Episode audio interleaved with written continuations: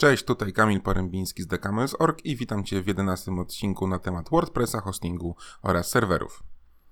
Jak zadawać pytania, by uzyskać pomoc?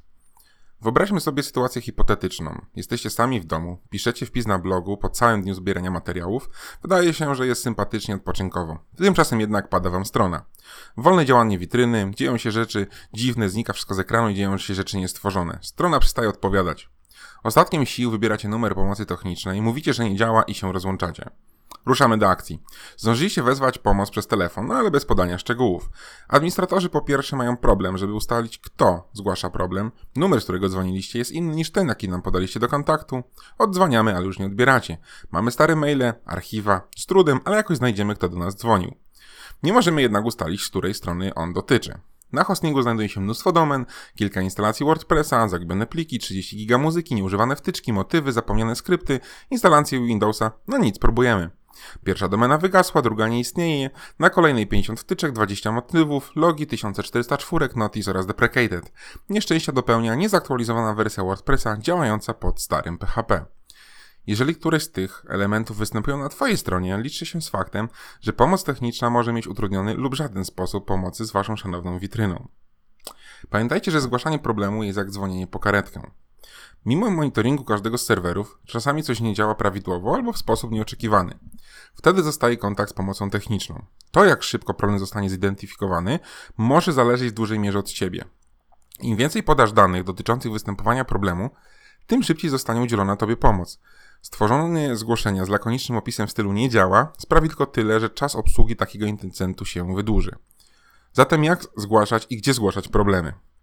Bardzo często odsyłamy piszące do nas osoby na czacie lub dzwoniące na telefon, aby założyły zgłoszenie w panelu klienta. Dlaczego? Jest to jedyne miejsce, gdzie w bezpieczny i szybki sposób możemy pomóc w rozwiązaniu Twojego problemu. Przede wszystkim, aby zgłosić problem, należy się zalogować do panelu. To pozwala nam na sprawdzenie, kto faktycznie zgłasza problem oraz jakich usług on dotyczy. Logowanie do panelu może być dodatkowo zabezpieczone przez dwuskładnikowe uwierzytelnianie, co zwiększa poziom bezpieczeństwa. Zgłaszając ticket, bardzo często wymieniamy się poufnymi danymi, dlatego ważne jest to, aby nie wysyłać ich przez maila lub komunikator. Telefon, mail czy czat idealnie nadają się, by porozmawiać na temat oferty, parametrów serwera lub cen. Jak najlepiej zgłosić problem? Przede wszystkim zacznij od założenia nowego zgłoszenia poprzez panel klienta. Ważne jest, aby zostało ono zrobione z konta, na którym znajduje się usługa, jaki dotyczy sam problem. W innym przypadku zostaniesz poproszony o stworzenie nowego zgłoszenia z prawidłowego konta. Przed napisaniem do nas warto zajrzeć na stronę status.decamels.org. Znajdziesz tam aktualnie trwające prace planowe oraz występujące awarie.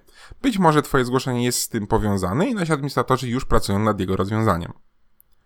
Problemy w dostępie do serwera, hostingu czy np. cPanela. Najczęstszym problemem w dostępie do tych usług jest blokada Twojego adresu IP. Problem pojawia się wtedy, kiedy wielokrotnie podało się błędne hasło do logowania np. poczty elektronicznej, FTP czy usługi cPanel. Tworząc nowe zgłoszenie, podaj nam swój adres IP, z jakiego się łączysz, będzie nam prościej zlokalizować i rozwiązać brak dostępu do usługi. Problemy z kontem pocztowym, dostarczaniem wiadomości. Poczta elektroniczna nie zawsze działa idealnie. Czasami wiadomości docierają do odbiorcy z opóźnieniem lub wcale. Setki czynników decyduje na temat dostarczalności wiadomości i niestety nie na wszystkie mamy wpływ. Zgłaszając problem dotyczący poczty elektronicznej, warto podać takie informacje jak adres e-mail nadawcy, adres e-mail odbiorcy, datę i godzinę, kiedy zaobserwowano komplikacje, opisać na czym polegają utrudnienia. Warto też podesłać nagłówki pocztowe albo przykładową wiadomość, z jaką występują problemy. To pomoże nam szybciej w znalezieniu i rozwiązaniu Twojego problemu. W czym jeszcze możemy pomóc? Jeżeli tylko możemy, to staramy się pomóc na każdy zgłoszony nam problem, nawet jeśli on nie dotyczy serwerów. Postaramy podsunąć się wskazówki, co należy zrobić z daną stroną lub pochylimy firmy, które się w tym specjalizują. Pamiętaj, że nie zajmujemy się wszystkim, ale staramy się Tobie pomóc.